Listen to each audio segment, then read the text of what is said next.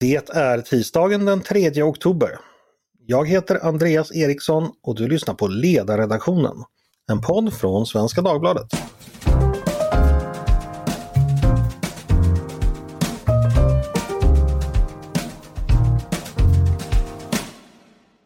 Varmt välkomna! Nagorno-Karabach, en eh, enklav i Azerbajdzjan, har sedan 1994 styrts av etniska armenier som bor där i en i praktiken självständig utbrytarrepublik. För ungefär två veckor sedan anföll azerbajdzjanska styrkor området och erövrade det efter bara några dagar. Nu har republikens ledning förklarat att den ska upplösa sitt styre vid årsskiftet och i praktiken så har styret redan upphört. Sedan dess har den senaste tiden över 100 000 människor flytt från Nagorno-Karabach till Armenien av rädsla för det här nya azerbajdzjanska styret som alltså tagit över. Här har ni säkert hört om i nyhetsflödet. Jag tänkte att vi skulle fördjupa oss lite i det idag. För vad är det exakt som har hänt här? Varför sker det just nu? Och vilka konsekvenser får det för människorna och länderna i regionen och för deras grannländer? Det ska vi alltså prata om idag. Och då har jag med mig två gäster till min hjälp. Nori Kino, journalist, författare, aktivist och biståndsarbetare som ofta tidigare synts på Svenskans ledarsida. Välkommen direkt från Armenien, Nori. Tack snälla. Och Rasmus Kahnbäck, journalist på Blankspot som bevakat regionen länge och som kom hem därifrån igår. Varmt välkommen du också Rasmus. Tack så mycket. Eh, jag kan väl börja med att konstatera att även om vi alla sedan många år hört mycket rapportering från det här området så kanske inte alla av oss, och då räknar jag in mig själv, har exakt koll på vad det är som har hänt och vilka faktorer från historien som är viktiga att ha med sig för att förstå dagens händelser. Så det tänkte vi ska reda ut tillsammans. Eh, men först liksom något försök till nulägesbild. Då börjar vi med dig Nori. Exakt var befinner du dig nu och vilken typ av arbete är det du gör, gör just nu? Jag skulle vilja börja med att säga att det stämmer inte riktigt att det har rapporterats tillräckligt om konflikten eller om situationen i Nagorno-Karabach som armenierna föredrar att kalla Artsach. Utan det har mer fallit under radarn. Och jag tror att det är en av anledningarna till att många inte känner till eh, området eller eh, den, den mångåriga konflikten. Jag befinner mig just nu i Armeniens huvudstad Jerevan. Jag är tillbaka från gränsen till Azerbajdzjan eller till Artsakh, till Nagorno-Karabach. Uh, eh, igår och i morse, så det, ja, det senaste dygnet, så har vi varit ute på byar och städer för att dela ut mat och uh, varma kläder. De flesta som flydde, eller väldigt många av dem som flydde, kom ju med bara kläderna de hade på sig. Eh, och sen så har vi eh, träffats, eh, lokala eh, hjälporganisationer och vi har bestämt oss för att starta två stycken slussboenden och vi har i en av kommunerna fått till förfogande en idrottshall, två stycken, ned, äh, två stycken stängda stora hallar eh, och fixat duschar, eh, toaletter och kommer att eh, och har fått eh, mycket fina nya sängar och sängkläder donerade och kommer husera upp till 200 flyktingar eh, under, ja, under tiden de, vad ska man säga, kommer annekteras, integreras in i det armeniska samhället. En del av dem finns också i byar, i städer, kände folk sedan tidigare, har släkt här sedan tidigare. Men i det stora hela så är det ju en, en alltså det är, och jag borde vara van vid krig, kris, naturkatastrofer och jobbat med det så många år. Men det här är något annat därför att de har blivit svikna av så gott som hela världen. Och att träffa dem och att krama dem och att försöka på något sätt eh, trösta dem är faktiskt nästan omöjligt eh, därför att de, de, det, vi är många som har larmat och larmat och larmat och sagt att det här kommer att ske därför att signalerna fanns på plats. Sen träffar man de här människorna, eh, en 12-årig pojke som körde hela vägen 40 timmar för att det inte fanns någon annan att köra hans familj. Eh, igår så eh, eh, en mamma som har varit jättesjuk, en äldre dam som, som, eh, eh, men, som överlevde, kommer fram och äntligen efter nio månader, det har ju varit drygt nio månader, nästan tio månaders blockad, träffar sin son och säger att nu kan jag vila och dör i hans armar. Mm. Och, och de, här, eh, de här historierna är väldigt, väldigt många. Nästan eh, alla de här är värda sin egen roman. Från det att man försökte eh, svälta dem eh, eh, till döds eh, och till att man bombar eh, när de köar till bröd till att de flyr hundratusen människor inom loppet av två dygn kaoset, trafiken som Rasmus också har varit vittne till. Eh, eh, och denna enorma, vad ska man säga, eh, eh, fruktan som finns i dem. Och besvikelse och, och känsla av att vara förrådda av hela världen, att ingen bryr sig. Mm. Ja, det är tufft. Rasmus, som jag sa, du kom hem igår. Var var du och rapporterade ifrån? Ja, men jag, eh, jag var ju på, i samma område som, eh, som Nori där vi faktiskt sågs under ett kort ögonblick i staden Goris mot, mot Nagorno-Karabach. Och, eh, det, det var ju min... Jag åkte faktiskt till Armenien redan för tre veckor sedan när den här blockaden som Nori refererar till höll på att eh, komma in i ett sånt läge att det höll på att bli katastrof. Man pratar om en, om en svältkatastrof för att det kom inte in några förnödenheter in i Nagorno-Karabach.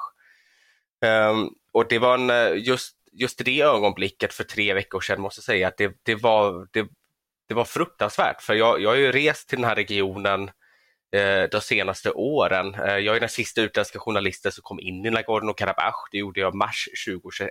Sedan dess kommer ingen in som inte varit armenier och sedan de senaste 9-10 månaderna har inga, ingen annan heller kommit in.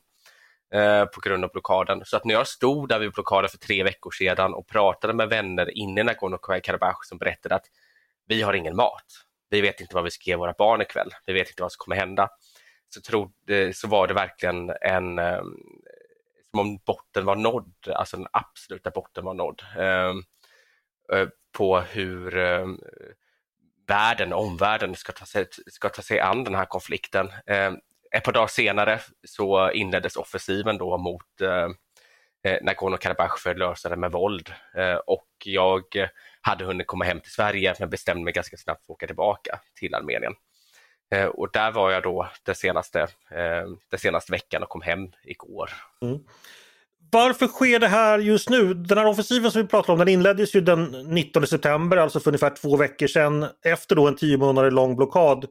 Rasmus, vet vi varför Azerbajdzjan bestämde sig för att agera just nu och, och, och, och med våld?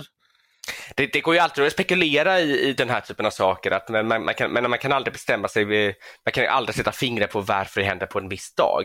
Men det som jag såg för tre veckor sedan och anledningen till att jag åkte för tre veckor sedan, det berodde på att FNs säkerhetsråd hade haft ett möte ett par dagar tidigare, och, ehm, eller i slutet eh, av, av, augusti. Och, och, då hade Frankrike velat gå fram med en skarp resolution för att fördöma Azerbajdzjan, men den hade inte eh, Eh, den hade inte mottagits väl, så förhandlingarna hade misslyckats. Man trodde länge att det skulle vara Ryssland som skulle stoppa de här förhandlingarna. Men det var det inte, utan det visade sig att det var USA som gjorde det. USA gjorde det för man sa att om vi går fram med en sån här skarp resolution, då kan det, då kan eh, det slå bakut för Azerbajdzjan, så man vill inte gå fram med den. Eh, och, och detta ringar många jag pratar med, analytiker och så vidare i, i, i Armenien in som den huvudsakliga, ors huvudsakliga orsaken till att eh, Azerbajdzjan faktiskt bestämde sig för att gå fram eh, med en offensiv. För man såg att omvärlden kommer ändå inte reagera. Mm. Nori, jag vet, du skrev till oss på redaktionen att omvärlden, exempelvis EU och USA, svikit eh, Karabach-armenierna. Det har du också skrivit om i Newsweek. Kan du berätta mer om det? Hur ser det sveket ut? Ska försöka illustrera det med att när Samantha eh, Power eh, anländer för några dag, dagar sedan till Armenien och till gränsen och hon är då eh, det vi i Sverige skulle kalla generalsekreterare för amerikanska motsvarigheten till Sida, USAID. Och hon är ju en känd journalist, människorättsaktivist vars böcker har sålts i, ja, väl, eh, varit eh, på alla topplistor. Eh, när hon anländer och inte ens kan ta orden etnisk rensning i sin mun. För det är precis vad det är, en hel grupp av människor, alla armenier, har tvingats på flykt från vad som var deras eh, moderland i tusentals år. Och eh, eh så tycker jag att det illustrerar det därför att det man har varit rädd för alltså, eh, från USAs sida, det är ett, det här är en av eh, deras starkaste kunder för att förenkla det av vapen, Azerbajdzjan. Det finns andra affärer de har ihop med Azerbajdzjan. Sen tror jag också någonstans att man var rädd för att det skulle eskalera. Och därför så har man, precis som Rasmus beskrev det, det som hände i FNs säkerhetsråd, att USA förmodligen inte stötte resolutionen för att man inte ville eh, Eh, destabilisera området än mer. Men sen är det ju det här med att EU i fjol, eh, rätta mig om jag har fel Rasmus, i juli i fjol slöt ett avtal om gasförsäljning till EU från Azerbajdzjan. Och där är det ju alltså Ursula von der Leyen har ju varit också en, en ska man säga, en, en, en, en äh, Eh, eh, varit en symbol för den här besvikelsen, för det här förräderiet som armenierna kallade det mot dem. Eh, och listan är lång. Sen har vi ju ryssarna, vi har självklart Turkiet. Jag menar, den, vad heter det, Erdogan har, har ju, skulle jag vilja säga, eh, tryckt på.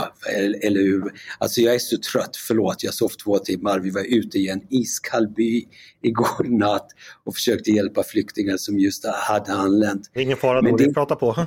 Sen har vi eh, Israel eh, som i många år har sålt vapen till Azerbajdzjan fast armenierna har vädjat till Israel att låta bli.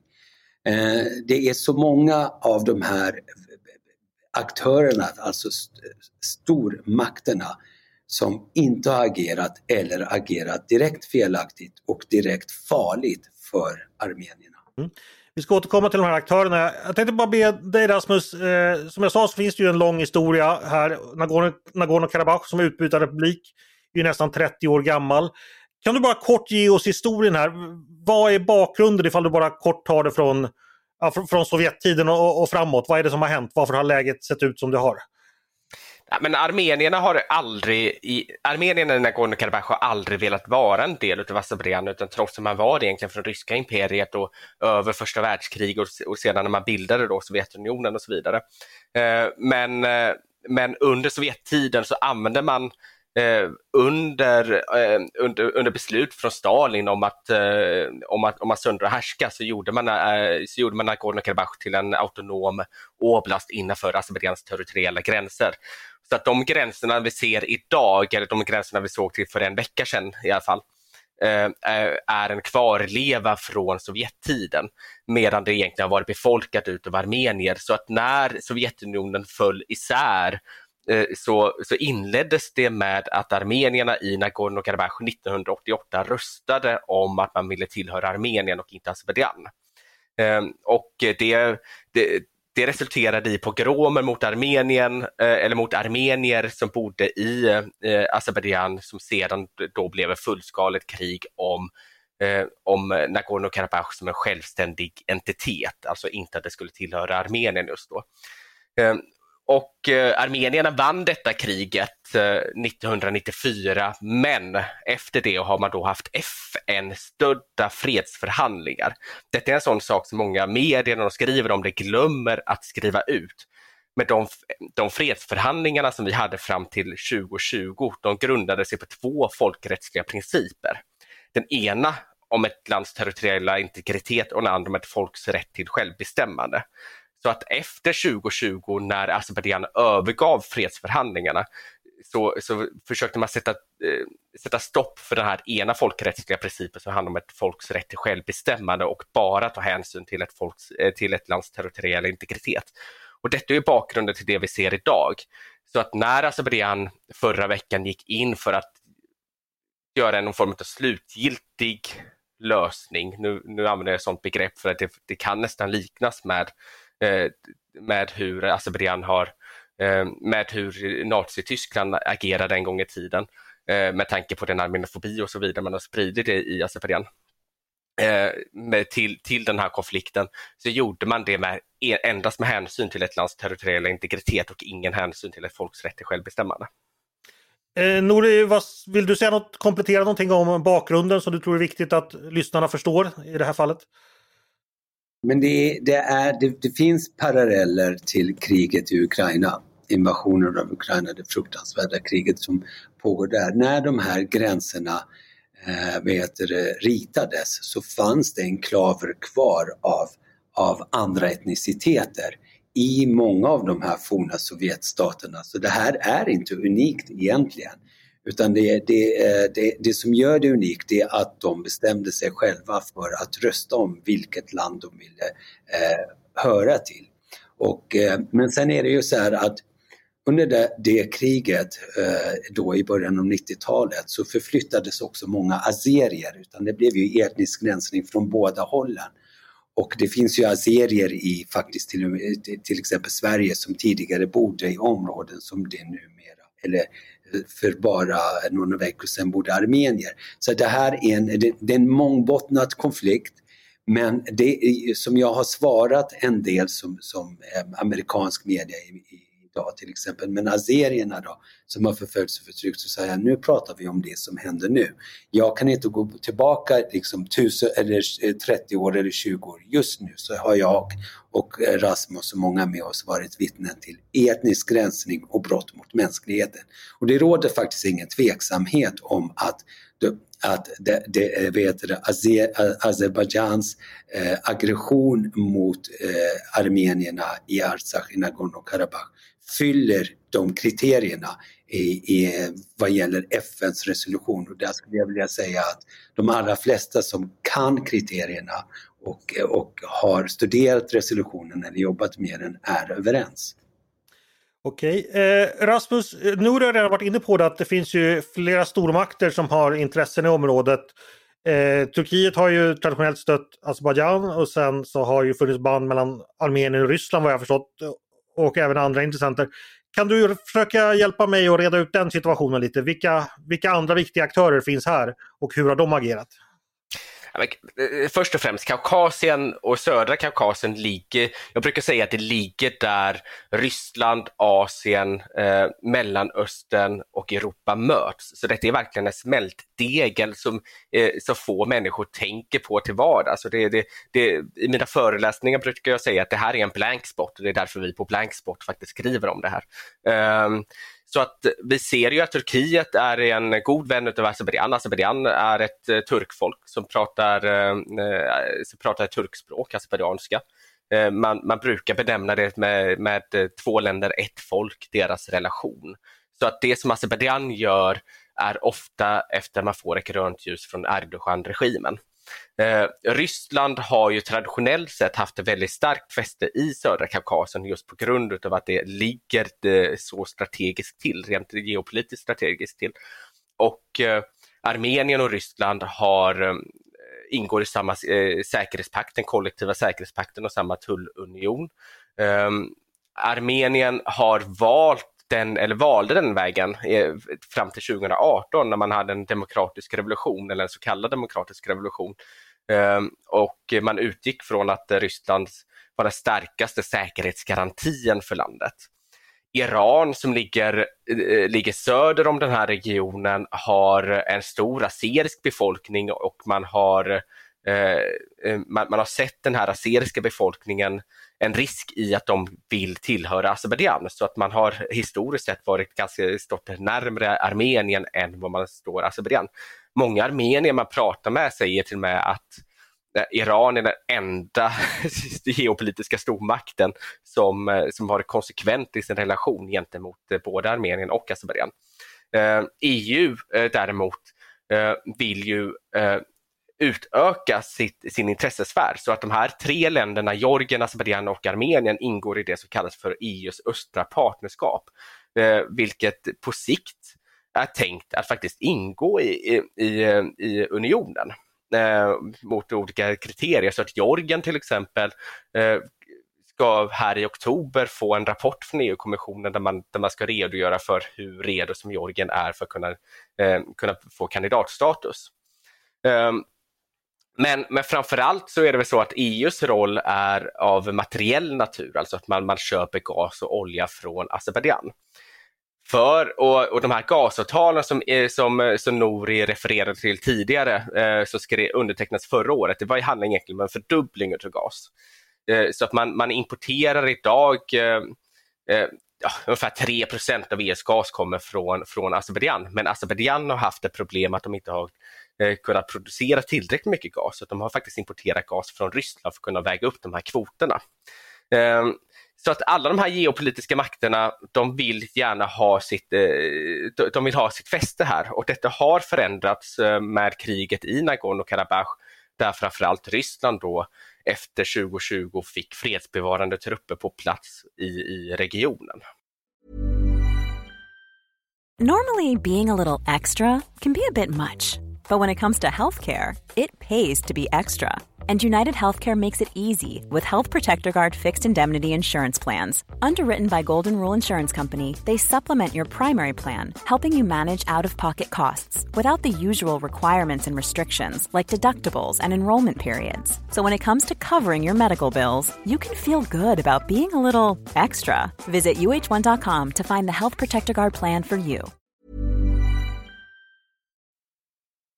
Men vad jag har förstått, de här ryska trupperna på plats då med fredsbevarande syfte, de verkar ha förhållit sig passiv, eh, passiva nu under, under den här offensiven.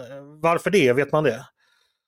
Ja, men det är ganska tydligt eh, att, att det hänger ihop med, eh, med den allt djupare diplomatiska kris som Armenien och Ryssland går igenom. Så att efter att, efter att Azerbajdzjan faktiskt anföll Armenien, inte Nagorno-Karabach i september 2022, för ett år sedan, Eh, så, upp, så upplever Armenien inte att Ryssland uppfyllde de säkerhetsgarantier som man åtagit sig med den kollektiva säkerhetspakten. Så att eh, det senaste året har Armenien jobbat, jobbat väldigt aktivt för att eh, fjärna sig från Ryssland. Och eh, bara veckorna här innan den, den här stora invasionen till Nagorno-Karabach så gick Armenien, Armenien ut och sa att vi tänker Eh, ratificera Romstadgan, Han skulle gå med i ICC, internationella brottmålsdomstolen i Haag, vilket innebär att Armenien i praktiken behöver arrestera eh, Vladimir Putin när han kommer på statsbesök. Så att det är en avgrundsdjup diplomatisk kris mellan två stycken allierade, eh, på pappret i alla fall allierade. Sen samtidigt har, har relationen mellan Ryssland och Azerbajdzjan förbättrats genom de här gasavtalen och Rysslands investeringar i landet. Eh, Nouri, efter den här offensiven och massflykten, Nagorno-Karabach som, som självstyrande område, det finns inte längre, kan man säga så? Jättesvårt för mig att ta de orden i mun faktiskt. Jag kan säga att det är tomt. Det är tomt på gatorna. Eh, och det är... Eh, nej, jag vill inte... Nej.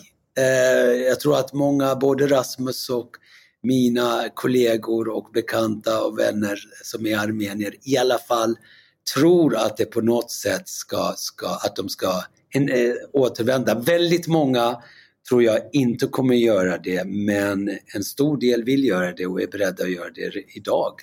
Eh, jag träffade äh, en, en liten pojke igår som satt på en sten mitt i natten. Jag satt med bredvid honom och, och en av våra volontärer talade språket och jag frågade varför sitter du här och gråter? Då sa han att jag vet att min hund sitter och gråter utanför vår grind. Och eh, vad vill du göra? sa han. Jag vill bara tillbaka till min hund. Jag vill tillbaka. Och, och, det här är... Det finns så många sätt att illustrera det här på men vi hoppas på en fredlig lösning och vi hoppas på att de får, eh, kan återvända till, eh, till sina hem och vi hoppas, man kan bara hoppas, det här är inte ens realistiskt, att eh, vad heter, stormakterna ska hitta en lösning. Inte det som de kallar en dialog, för det går inte att föra en dialog mellan förövare och offer på det sättet som, som USA eh, igår senast sa eh, från deras utrikesministerium. Men att det finns en lösning, att de kan återvända. För en sak eh, som, som jag också vill lägga till det är att Nagorno-Karabach var ju alltså eh, som vilken europeisk eller, eller östeuropeisk fungerande eh, stat som helst. Alltså med, med, med fantastiska restauranger, blomstrande ekonomi, eh, eh, ja men allt som hör till, till de här vackra forna Sovjetstaterna som, som har blivit en del av Europa eller som har blivit moderniserade.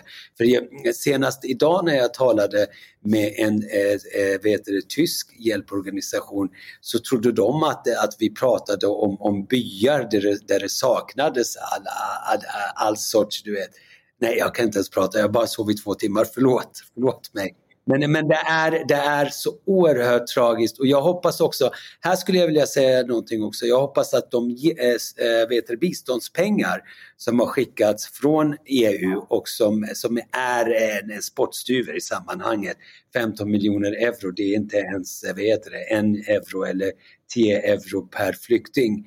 Eller kanske 15, att, att, de, att man eh, följer pengarna så att man ser att de verkligen kommer fram till flyktingarna.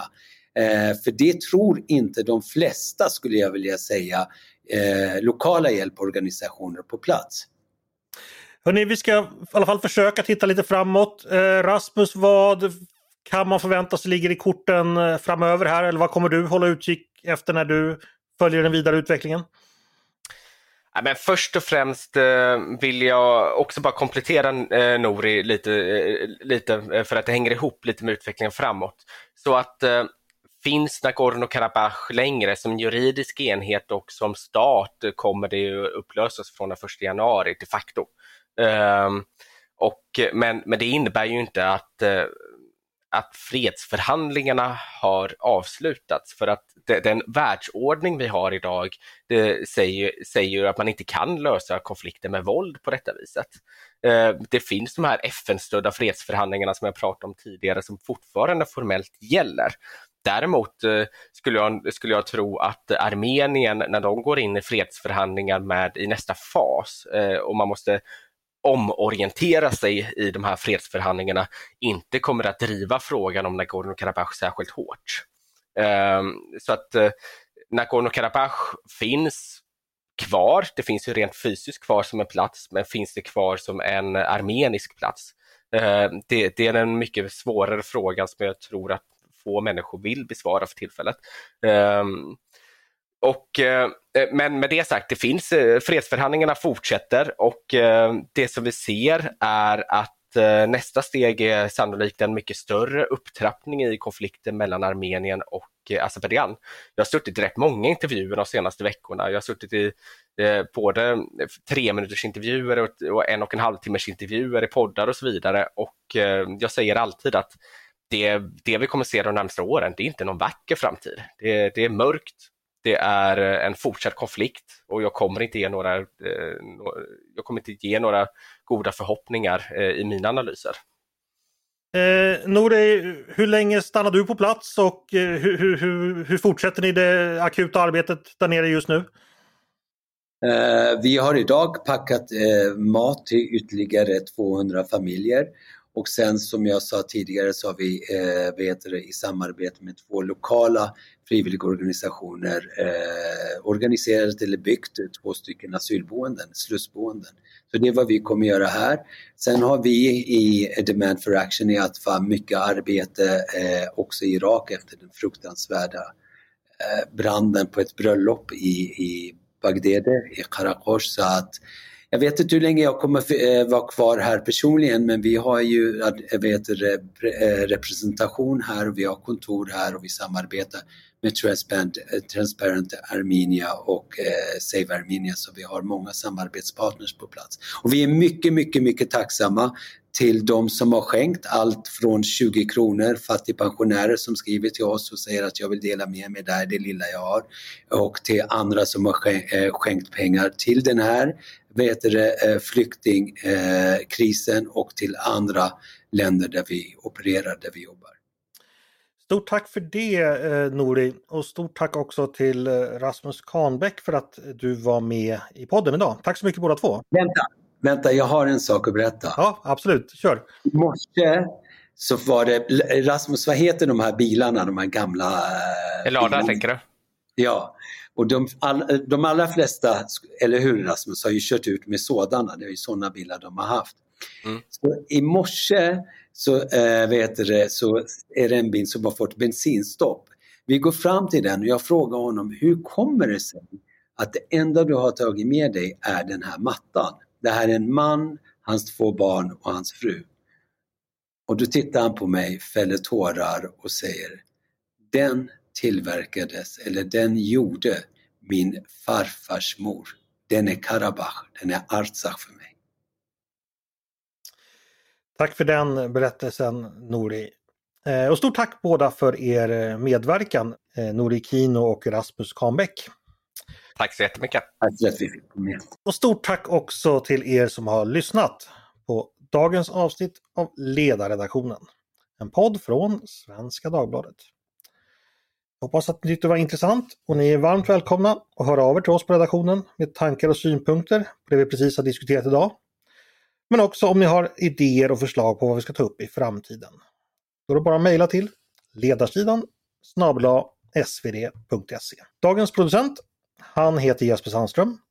Själv heter jag Andreas Eriksson och jag hoppas att vi hörs igen snart.